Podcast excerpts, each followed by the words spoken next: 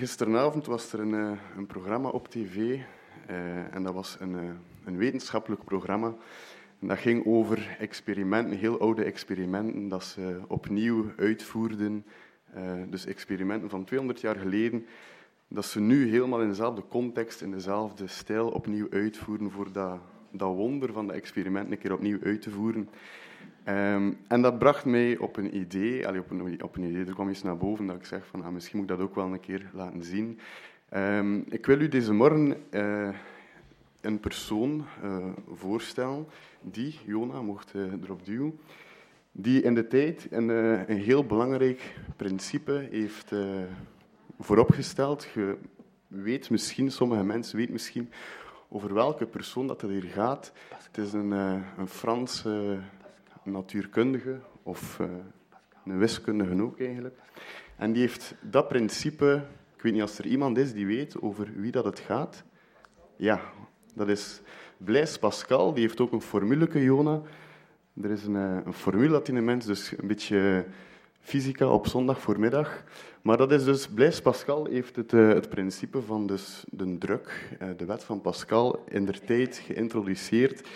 En ik weet als, um, als in, in de beginjaren, toen ik met geloof wat bezig was, dat mij dat altijd heel sterk heeft um, bezighield. Dat mensen die in de tijd zo'n grote zaken ontdekten en die met wetenschap en zo bezig waren, dat dat dikwijls ook mensen waren die ook bezig waren met, want dat zijn allemaal natuurlijk dingen, hij heeft dat vastgesteld, dat is echt, je kunt dat bewijzen, maar dat veel wetenschappers, en nu ook nog, ook bezig zijn met de dingen dat je en Pascal was zo iemand die bezig was ook met de dingen dat je niet kon zien. En die mens was ook enorm veel bezig met God.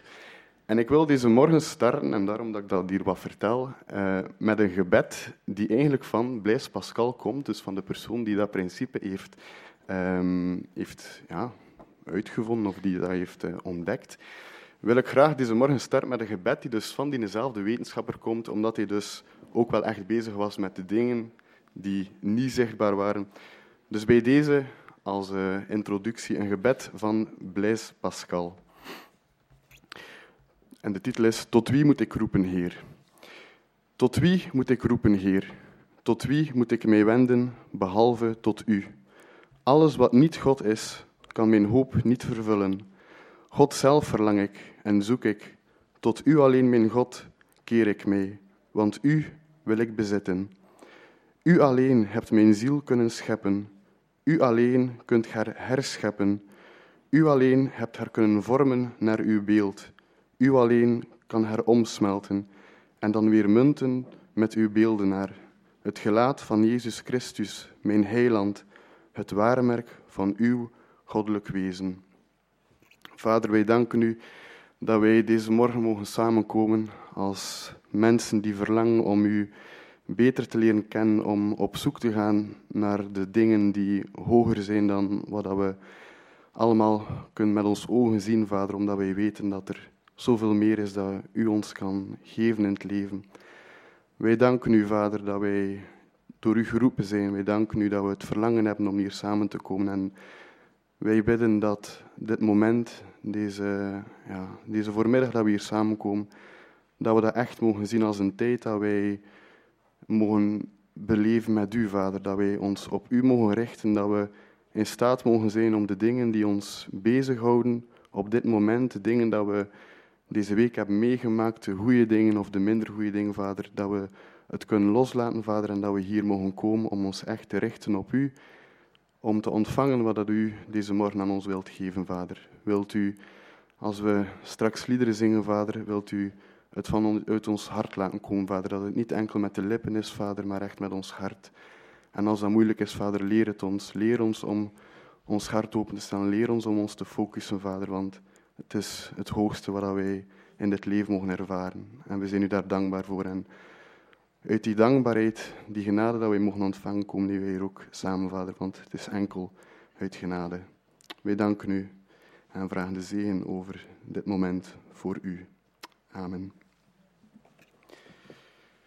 Um, we gaan eerst wat uh, liederen zingen, dan is er een, uh, een, kindermoment, een gebedsmoment. En normaal kwam er een, uh, dus David van der Steen kwam normaal vandaag voor de preek, maar zoals dat hij zal zeggen, hij is geveld door corona, maar er is dus een boodschap dat hij voor ons heeft opgenomen. Dus er is een preek, um, maar laten we beginnen met de lofprijs. En kunnen we misschien recht staan voor ons volgende twee liederen.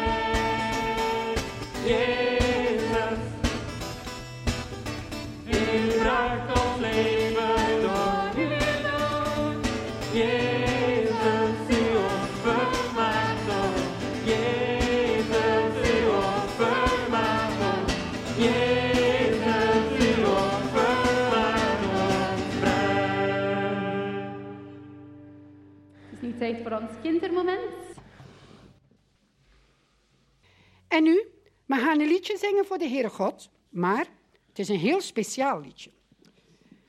Het heeft zo'n beetje, het is precies een Spaans liedje. Hè? En in Spanje, wie weet dat, de danseressen dansen zo met, wat zijn dat?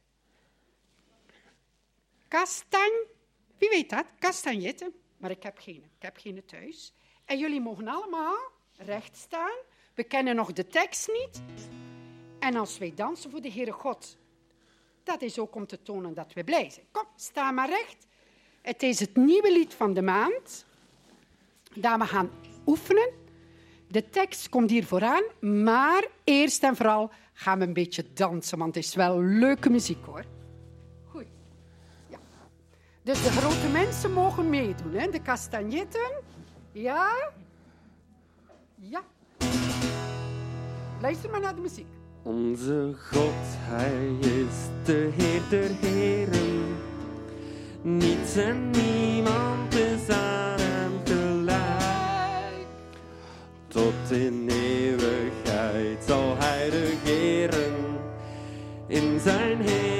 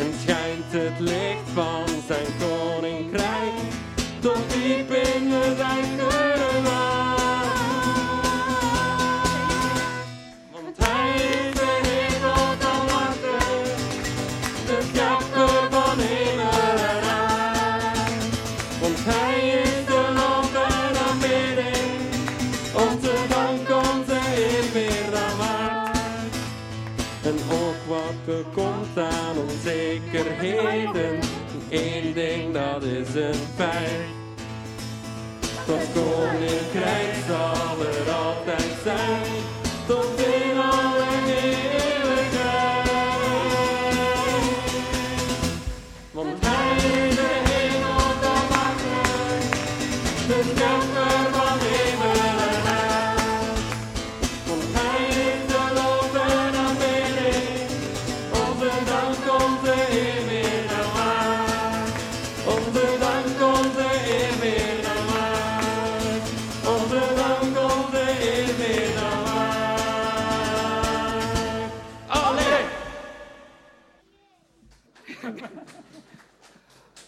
Blijf maar allemaal staan hoor. Is het een leuk liedje? Ja, maar we hebben nog heel de maand om te oefenen. Dus je kan thuis al, en wie dat er thuis castagnetten heeft, mag ze meebrengen. Dat zijn ze, ze drukken dat op elkaar en dat geeft een bepaald geluid. Dat komt vanuit Spanje. Goed, we gaan bidden, we gaan naar de zondagschool gaan. Wie wil er vooraan komen bidden? Ik ken iemand anders. We gaan onze handjes vouwen, oogjes dicht. Dankjewel dat we allemaal in de kerk kunnen zijn en dat we een leuke tijd kunnen hebben en dat het leuk kan zijn en dat, de, en dat alles fijn kan zijn. Amen. Goed, jullie mogen allemaal naar de grote zaal.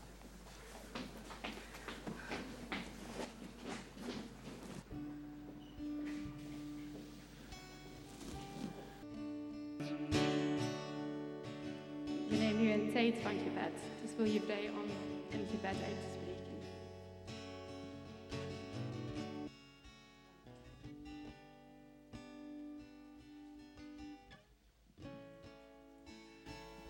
Heere God en Vader, ik wil je danken voor uw trouw. Dank u, Heer, dat we ook in mo- moeilijke momenten, Heer, dat u ons omgeeft, Heer. En dank u, Heer, dat u, dat u gekomen bent, Heer. En u bent onze dankbaarheid waard, Heer. En vaak beseffen we niet, Heer. En Heer, u geeft ook kracht in momenten, Heer, dat het moeilijk gaat. Heer, ik wil u ook bidden, Heer, voor de mensen hier in Afghanistan. Ik wil u ook bidden, Heer, voor de familie, Heer, van dat jongetje, Heer, die nu toch helaas eh, overleden is, Heer, die ze niet hebben in tijd kunnen bevrijden. Heer, ik wil u vragen, Heer, wilt u deze ouders vertroosten en kracht geven, Heer. En wilt u de mensen in Marokko ook, ook helpen, Heer. En nabij zijn, Heer. Ik dank u voor uw trouw en genade om Jezus wil. Amen.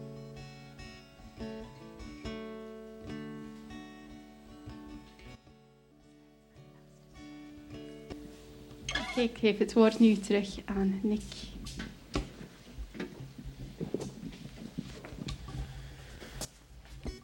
Ik geef eigenlijk het woord aan David op de videosubiet. Dus zoals gezegd is nu de preek, maar dat zal via een eh, videoboodschap zijn. Ehm, nu, David van der Steen, dat is trouwens de vader van Hester van onze kerk. Voor de mensen die dat niet weten, die dus straks de preek zal geven, had mij gevraagd om wel nog een Bijbelvers die aansloot bij de preek. Ehm, dus voordat we kijken, lees ik u nog even heel kort uit Johannes hoofdstuk 10, eh, vanaf vers 7. Daar staat er, dus Johannes hoofdstuk 10, vanaf vers 7. Hij ging verder en hij zei, waarachtig, ik verzeker u, ik ben de deur voor de schapen. Wie voor mij kwamen, wie voor mij kwamen waren allemaal dieven en rovers, maar de schapen hebben niet naar hen geluisterd. Ik ben de deur. Wanneer iemand door mij binnenkomt, zal hij gered worden. Hij zal in en uitlopen en hij zal wijde grond vinden. Een dief komt alleen om te roven, te slachten en te vernietigen, maar ik ben gekomen om hun leven te geven in al hun volheid. Dus we gaan nu kijken naar de preek. Ehm, er zit een kleine, het geluid en het beeld is niet volledig synchroon, dat zult je wel zien. Ehm, ik denk dat het een beetje de keuze was, ofwel goed geluid ofwel goed beeld. Dus probeer dat weg te filteren. Eh, dat is het enige. Normaal zou dat voor de rest lukken.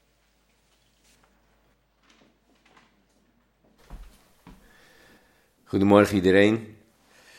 Het was de bedoeling dat ik deze morgen in jullie midden zou zijn om te spreken, maar de omstandigheden hebben helaas anders beslist. Begin deze week heeft het beestje mij te pakken gekregen en zit ik thuis in quarantaine. Maar goed, in overleg hebben we afgesproken om dan toch maar langs deze weg met jullie te spreken. Gelukkig zijn er tegenwoordig veel technische middelen voorhanden, waardoor het mogelijk is om ook samen de Bijbel te openen. En een volgende keer hoop ik weer gewoon fysiek bij jullie aanwezig te mogen zijn.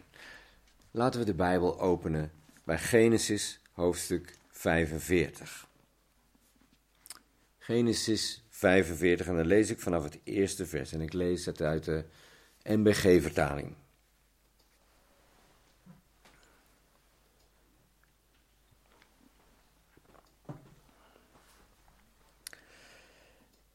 Genesis 45, dan lees ik vanaf vers 1.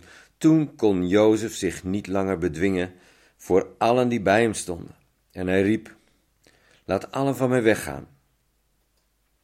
En er stond niemand bij hem toen Jozef zich aan zijn broers bekend maakte. Daarop brak hij uit in luid geween, zodat de Egyptenaren en Farao's huis het hoorden. En Jozef zei tot zijn broers: Ik ben Jozef, leeft mijn vader nog? Maar zijn broers konden hem niet antwoorden, want ze deinsden van schrik voor hem terug. Toen zei Jozef tot zijn broers: Kom toch dichterbij. Daarop naderde zij en hij zei: Ik ben uw broer Jozef, die u naar Egypte verkocht hebt. Maar wees nu niet verdrietig en zie er niet zo ontsteld uit omdat u mij hierheen verkocht hebt, want om u in het leven te behouden heeft God mij voor u uitgezonden. Want reeds twee jaren is er hongersnood geweest in dit land, en er komen nog vijf jaren waarin niet geploegd of geoogst zal worden. Daarom heeft God mij voor u uitgezonden, om u een voortbestaan te verzekeren op aarde en om voor u een groot aantal geredden in het leven te behouden. Dus bent u het niet die mij hierheen gezonden hebt, maar God. Hij heeft mij gesteld tot Farao's vader en tot heer over heel zijn huis en tot heerser in het hele land Egypte.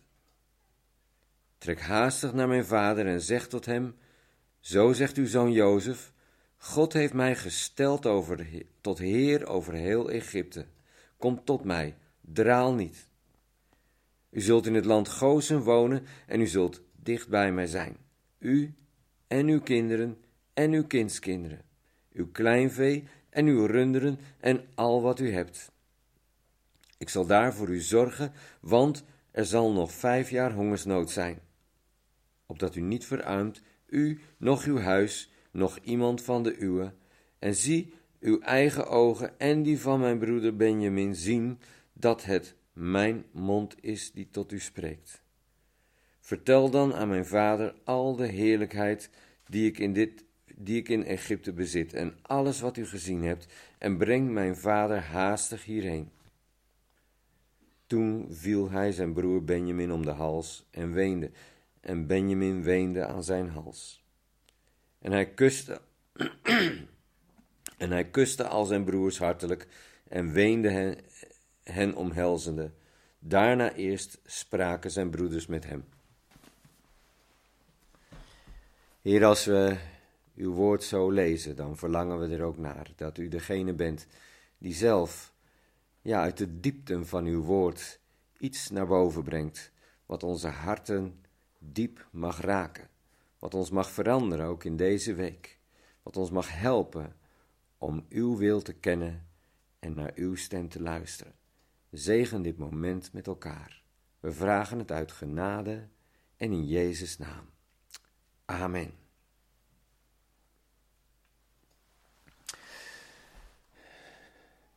Heb jij wel eens iets moeten doen waar je helemaal geen zin in had? Waarschijnlijk wel. We hebben dat allemaal wel eens moeten doen. en zolang het om iets kleins gaat, ach, dan leg je het gemakkelijk naast je neer en dan ben je het snel weer vergeten. Maar soms word je geconfronteerd met dingen waar je niet om hebt gevraagd. Het is daar gewoon. En sommige van die dingen zijn soms heel ingrijpend in je leven. Op school of op je werk of gewoon thuis. Een werkomgeving waar je niet voor gekozen hebt. Een ziekenhuisopname.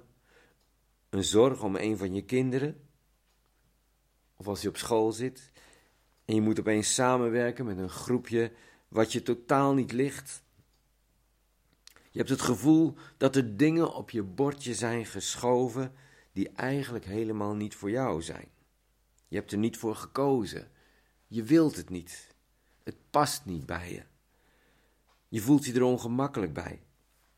Je moet maar weer schakelen naar een andere versnelling. Je moet je maar weer aanpassen. Ja. Nou, het verhaal van Jozef hebben we vanmorgen gelezen. Het verhaal van Jozef begint bij papa en mama. Papa Jacob had vier vrouwen. Dat kennen we tegenwoordig niet meer zo, maar wel iets soortgelijks als je op school zit. Uh, in jouw omgeving ken je dan vast wel een paar kinderen met halfbroertjes en zusjes. Of misschien heb je zelf ook wel halfbroers en zussen. En dan weet je dat dat soms best lastig kan zijn. In de week bij mama, in het weekend bij papa. En dan ben je daar en dan kom je opeens je halfbroer of je halfzus tegen, die een kind is van papa en van een nieuwe plusmama. En dan moet je samen spelen, samen eten en samen een kamer delen. En dat kan soms heel erg lastig zijn.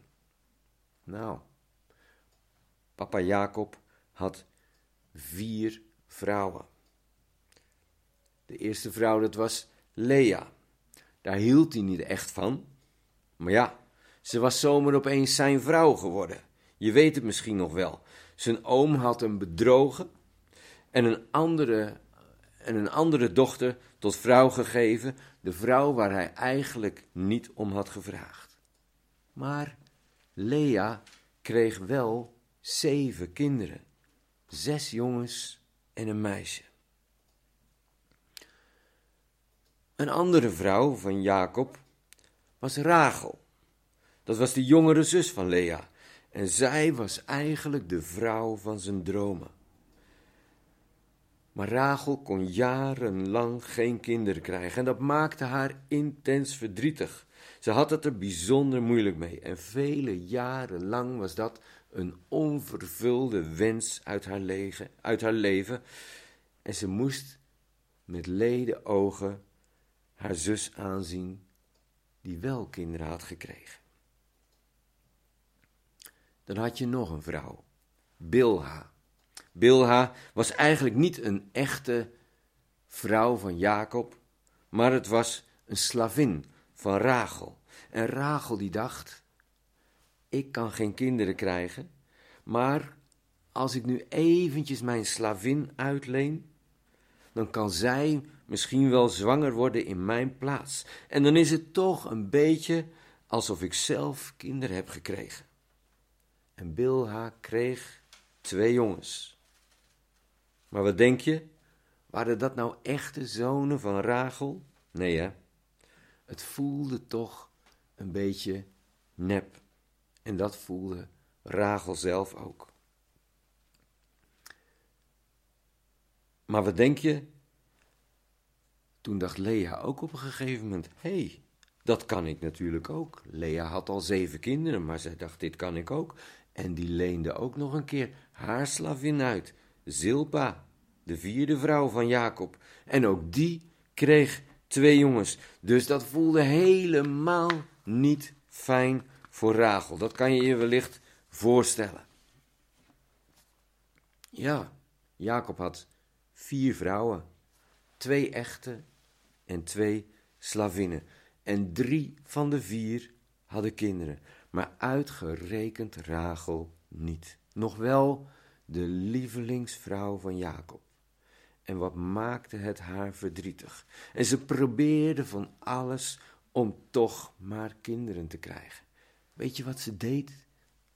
Ze ging bijvoorbeeld liefdesappeltjes eten. Een soort geluksappeltjes. Hoe die appeltjes eruit zagen, geen idee. Misschien waren het wel rode appeltjes die de vorm hadden van een hartje. En dat ze dacht: als ik die eet, dan zal ik zwanger worden. Zou het echt zo werken? Rachel die dacht van wel. Waarschijnlijk had ze dat wel een beetje overgehouden van de vroegere godsdienst uit Haran. We zouden het tegenwoordig misschien een beetje vergelijken met het klavertje 4. Dat brengt geluk, zeggen ze. Maar is dat echt zo? In ieder geval, het werkte niet. Maar Rachel heeft nog iets geprobeerd. ze ging klagen bij Jacob. En ze zei: Geef me kinderen, en als je dat niet doet, dan ga ik dood. Nou, hoe noemen we dat? Dreigen. Alsof Jacob dat wel eventjes voor haar kon toveren. Hocus pocus, iedereen kan toveren. Werkt het zo? Ook dat werkte niet. Maar toen bedacht Rachel nog iets wat ze kon proberen. En wat zou dat zijn? Ze kon bidden. Ja, ze kon bidden. Ze kon haar verdriet aan God voorleggen, want God had alles geschapen. God heeft ook haar geschapen. En haar slavin Bilha. En Jacob. Ja, en ook Lea en Zilpa en al die kinderen. Dus ze moest bidden. En wat denk je? God verhoort haar gebed. Rachel wordt zwanger en na negen maanden krijgt ze een zoon. Oh, wat is Rachel blij. En weet je hoe ze die zoon noemt? Jozef. En dat betekent een beetje een heimelijke gedachte. Het betekent, mag de Heer mij er nog zo eentje geven? Nou ja, hoe dan ook. Ook Jacob was super blij met deze zoon. Zijn lievelingsvrouw had een zoon gekregen. Dus, wat verwacht je? Deze zoon werd vanzelf zijn lievelingszoon. Jozef werd Jacobs lieveling. nou, hoe zal dan de sfeer in huis geweest zijn? Zou het elke dag gezellig geweest zijn aan tafel? Stel je voor, je, er is in huis zo'n hele lange tafel. En dan gaan ze met z'n allen aan zitten. Met hoeveel zullen ze aan tafel hebben gezeten? Jacob, Lea had zes jongens en een meisje. Bilha had ook twee jongens. Zilpa had ook twee jongens. En Rachel had ook één jongen. Totaal 17. En iedereen moest een eigen plekje aan tafel kiezen. Waar zou iedereen gaan zitten? Alle vrouwen bij elkaar? En dat ene meisje Dina dan? De kans is groot dat de vrouwen zelfs apart aten. Dan moesten bijvoorbeeld Bilha en Zilpa samen het eten koken, want dat waren de slavinnen. En Rachel en Lea en de dochter Dina mochten dan samen gaan eten. Gezellig. En de jongens? Wie kiezen ze uit? Waar gaan ze naast zitten? Wat denk je? Zouden ze niet zoveel mogelijk gaan zitten bij de broers van dezelfde mama? Dus de zes jongens van Lea bij elkaar, de twee van Bilha bij elkaar, de twee van Zilpa bij elkaar. En Jozef was alleen. Die mocht bij papa zitten, het lievelingetje. Eigenlijk vind ik het wel een beetje zielig voor Jozef. Vind je ook niet? Zo helemaal alleen en dan zo bij papa mogen zitten. Kunnen we niet wat voor hem bedenken? Een mooie jas bijvoorbeeld. We geven hem een super mooie jas. Nou ja, dat is in elk geval wat papa deed. Papa die gaf hem een pracht van een pronkgewaad. Maar daarmee maakte hij de boel alleen nog maar erger. Het zoontje van Rachel, de lievelingsvrouw van Jacob, en dat stak hij ook niet onder stoelen of banken. Het zoontje van Rachel, de lieveling van papa, kreeg de mooiste kleren, dus er was jaloezie in huis en er hing een nare sfeer. En dan was er nog iets. Jozef had soms van die rare dromen. En die ging hij dan thuis aan tafel vertellen. Twee dromen had hij. Eentje ging over korenschoven. Alle broers die hadden allemaal een eigen korenschoof. En die schoven, die bogen allemaal voor die ene schoof van Jozef. En toen had hij nog een droom over de zon en de maan en elf sterren en die bogen allemaal voor Jozef. Nou, dat is een manier om vrienden te maken. Wil je soms koning over ons zijn? Wil je soms over ons heersen? Wat is dat voor een droom, zei papa. Zullen soms ik, je moeder en je broers komen en ons voor jou neerbuigen? Het was echt een hele nare sfeer in huis. Het was niet alleen maar een sfeer van zullen Jozef wel eens eventjes negeren. Nee, ze haatten Jozef. Het was zelfs zo erg dat sommigen bereid waren om hem te vermoorden. Nou nee, dat was te erg. Dat kon niet. Bij Kain en Abel ging dat ook niet goed, want God ziet alles. Nou ja, dan verkopen we hem gewoon. En dan zeggen we tegen papa dat hij verscheurd is door een wild dier. Een beetje liegen en je broer als slaap verkopen, dat is minder erg dan je broer vermoorden. En dus werd Jozef verkocht. En weet je aan wie? Aan de Ismaëlieten. Wie was ook alweer Ismaël? Ja, juist. Dat was die andere zoon van Abraham. Dus het is nog ergens familie. Ook drie generaties terug. Maar inmiddels waren die families al zo ver uit elkaar gegroeid. Inmiddels waren die Ismaëlieten een eigen volkje geworden. En Jozef moet nu met die Ismaëlieten mee naar Egypte. En daar wordt hij doorverkocht aan Potifar, de lijfwacht van Farao. Hoe zou jij je voelen in die situatie? Zou je blij zijn? Zou je supergoed je best doen als slaaf? Of zou je proberen om te ontsnappen? Of met heimwee op je bed blijven liggen? Of zou je proberen de boel te saboteren?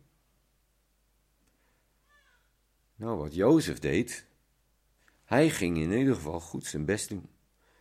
En gelukkig zorgde God bijzonder goed voor hem.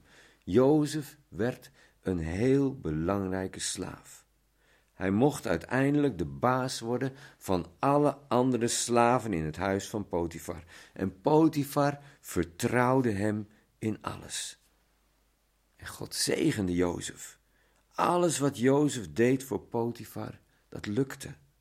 Jozef was de beste slaaf die hij ooit had gehad. En Jozef was ook nog eens een keer een knappe gast om te zien. En dat vond de vrouw van Potifar ook. En ze probeerde hem op een gegeven moment te verleiden door met hem naar bed te gaan. Maar Jozef piekerde er niet over. Nee zeg, mijn eigen baas bedriegen. Geen sprake van. Nou, zijn eigen broers waren daar destijds heel wat makkelijker in. Die bedrogen hun eigen vader door te zeggen dat Jozef dood is. Daar zaten ze niet mee. Maar Jozef niet. Jozef wilde, koste wat het kost, eerlijk zijn. Maar die vrouw van Potifar, die was zelf niet eerlijk. Ze verzon een gemene leugen over Jozef en zo kwam Jozef opnieuw in de problemen. Hij moest de gevangenis in en dat was de tweede keer al dat hij in de ellende zat. Zou je dan niet de moed opgeven? Of zou je dan niet proberen je onschuld te bewijzen? Of zou je dan niet proberen om te ontsnappen? Misschien zouden veel meer mensen op dit punt God vaarwel zeggen. Maar we lezen nergens dat Jozef begon te klagen of te protesteren of zichzelf te verdedigen. Ook in de gevangenis gaat hij gewoon zijn uiterste best doen. Hij is een voorbeeldige gevangene. Hij doet zijn gevangeniswerk zo goed dat hij zo ongeveer de baas over de gevangenis wordt. En opnieuw wordt Jozef gezegend door God. En dan ontmoet hij daar in die gevangenis twee mensen. Weet je nog wie dat waren? De schenker en de bakker.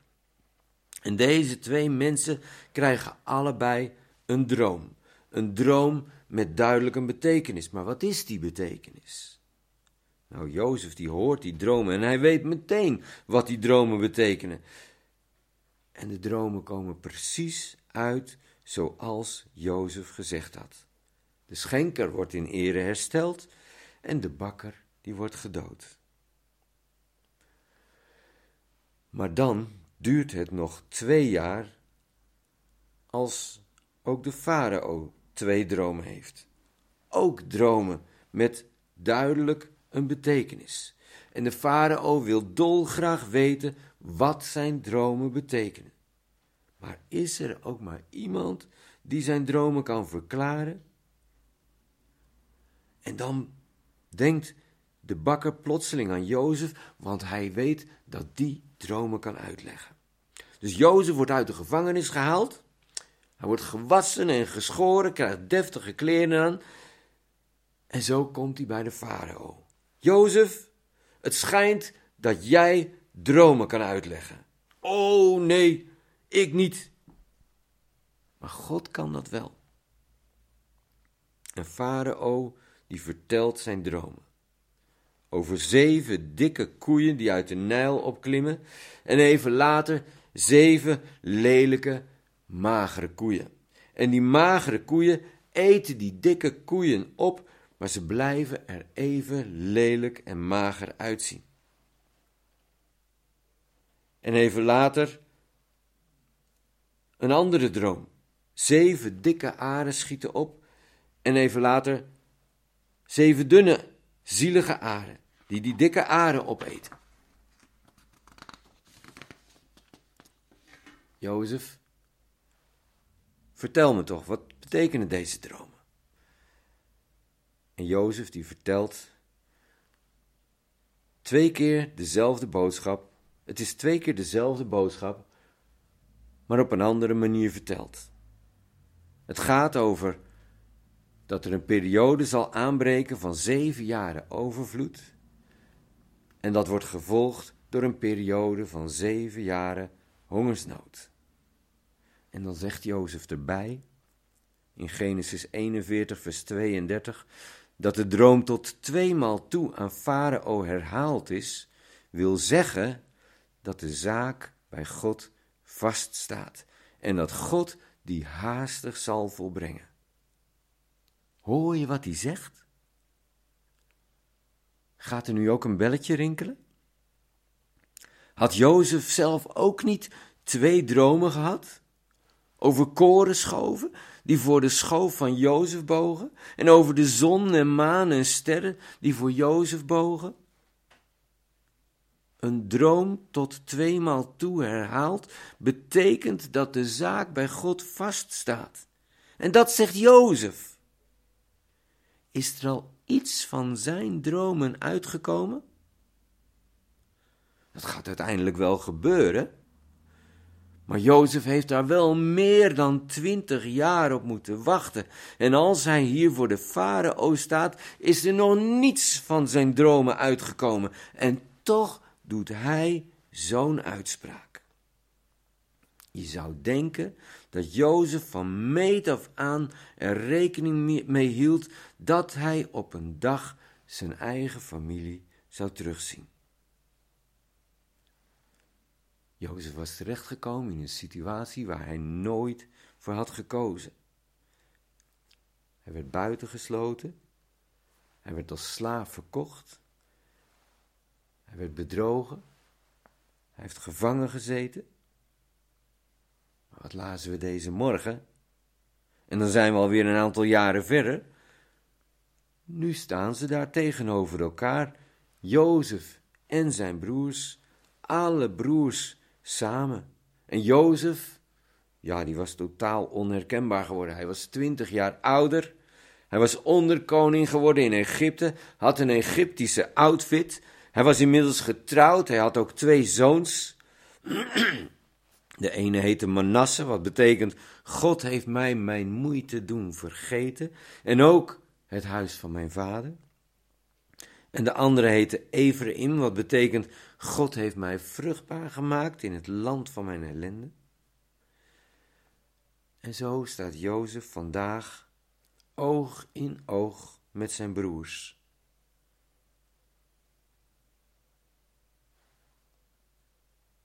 Zijn broers die met hem hadden gelachen, die met hem hadden gespot, die hem hadden verkocht.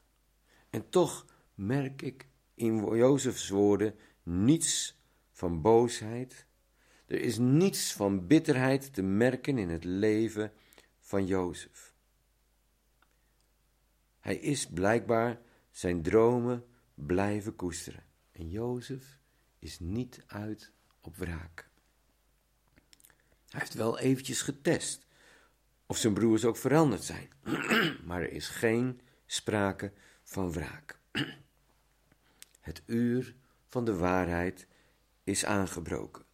De masked singer zet zijn masker af. Ik ben Jozef. Leeft mijn vader nog? En dat was een bijzonder pijnlijk moment voor de broers. Maar het was al even moeilijk voor Jozef zelf. De droom komt uit. Bij God stond de zaak al lang vast, want God heeft het laatste woord. De broers hebben wat recht te zetten tegenover Jozef, tegenover papa. Maar Jozef heeft gezien dat alles wat er gebeurd is in het verleden past in Gods plan. Om u in het leven te behouden, heeft God mij voor u uitgezonden, zegt hij. Want reeds twee jaren is er hongersnood geweest in dit land, en er komen nog vijf jaren waarin niet geploegd of geoogst zal worden. En daarom heeft God mij voor u uitgezonden om u een voortbestaan te verzekeren op aarde. En om voor u een groot aantal geredden in het leven te behouden. Heb jij wel eens iets moeten doen waar je totaal geen zin in had? Ben jij wel eens in een situatie terechtgekomen waar je niet voor hebt gekozen? Nou, de Bijbel die staat vol met zulke verhalen, met zulke situaties, met voorbeelden. Denk maar even aan Mozes, die moest vluchten naar Midian. Denk aan, ja, aan David, die moest vluchten voor Saul. Denk aan Paulus, die in de gevangenis terechtkwam en die schipbreuk leidt. Of denk aan Jezus. Wat hebben de fariseeën niet op hem geloerd? En de priesters en de Romeinen, die hebben hem uiteindelijk veroordeeld tot het kruis. En bij al deze mensen zien we dat God hen vooruitgezonden had voor een belangrijke taak. Al deze mensen zagen uiteindelijk ook dat God de hand had in hun situatie. En ook in onze tijd zijn er mensen die het aandurven om op God te blijven vertrouwen. Denk aan mensen als Corrie ten Boom. Wat heeft zij niet mee moeten maken? Ik denk ook aan iemand als Nick Vujicic. Ik weet niet of je hem kent. Die man die geboren is zonder armen en benen. En die ook in een hele moeilijke situatie heeft geleerd om op God te vertrouwen. En die zijn omstandigheden heeft geleerd te gebruiken om tot een zegen te zijn. Maar denk ook aan de vele christenen in Afghanistan, Noord-Korea, China en noem maar op. Mensen die pas veel later, of soms helemaal niet, zijn gaan zien hoe God hun situatie gebruikt heeft. Maar mensen die duidelijk vooruitgezonden zijn door God om anderen te redden, om anderen te beschermen, om voor anderen een weg te bereiden. Ondanks alles, ondanks hun hele situatie, vertrouwden zij op God.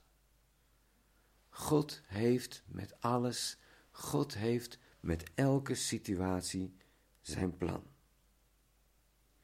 Nou, persoonlijk heb ik ook gerust wel eens enkele situaties gekend in mijn leven waarvan ik aanvankelijk niet begreep waarom ze zo moesten gaan.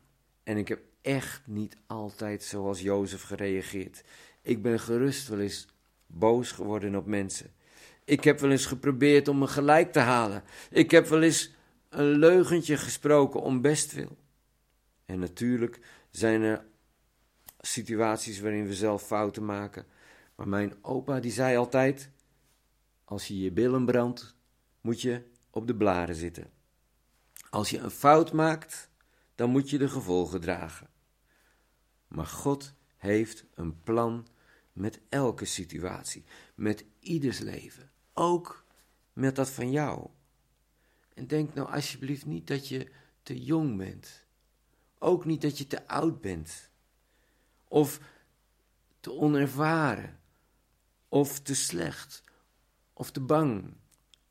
God heeft ook met jouw situatie een plan. God heeft ook met jouw leven een plan. En soms kom je in situaties terecht waar je niet voor hebt gekozen. Situaties die pijn doen. Situaties die verdrietig zijn. Situaties die je niet kan plaatsen of waarin je vastloopt. En we krijgen ook niet altijd van tevoren een droom of een visioen waarin ons de toekomst wordt aangekondigd. Maar God heeft wel een plan. En misschien ben jij dan ook wel vooruitgezonden voor een heel bijzondere taak. Dus ik hoop dat dit jou mag helpen om op God te vertrouwen, ook in moeilijke omstandigheden. En ook dat het je helpt om niet bitter te worden. Dat je niet boos wordt op de omstandigheden, of dat je boos wordt op mensen, of dat je boos wordt op God. God is de schepper.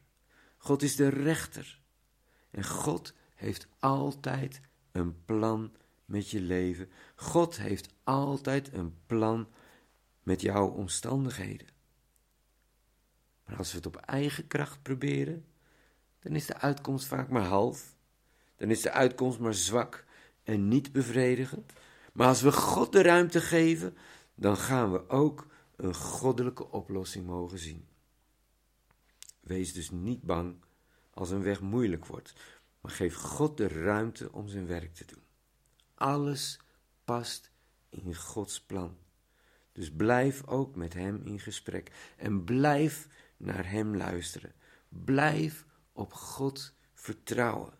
En dan hoop ik dat ook jij over een poosje kan zeggen: God heeft mij vooruitgezonden, zodat Hij Zijn grote plan kan uitvoeren. Zullen we nog samen de Heere danken? Heere, wat is het goed om dat te mogen weten, dat U een plan hebt met ieders leven, dat U een bedoeling hebt met iedere situatie en dat wat er ook gebeurt in ons leven en welke omstandigheden we ook verkeren, waar we ook het moeilijk mee hebben, U hebt altijd alles onder controle. U weet wat u doet. U weet wat er gaande is. En er gebeurt niets zonder dat u er vanaf weet. Dank u wel dat we daarop mogen vertrouwen. Maar ook deze morgen willen we heel graag bidden voor eigenlijk ieder van ons persoonlijk. Voor iedere situatie die misschien wel weer anders is. Maar u kent ieder van ons hart. En u kent elke situatie. En misschien zitten we allemaal nog met hele grote vraagtekens, met heel veel onduidelijkheden in ons leven. En mogen we u dan vragen, Heere, om ons opnieuw rust en vertrouwen te geven dat u de dingen onder controle hebt, dat u nooit laat varen het werk wat uw hand is begonnen. En zegen ons zo en gebruikt u ons om ons vooruit te zenden zodat u uw plan kunt verwezenlijken. We bidden het uit genade en in Jezus' naam. Amen.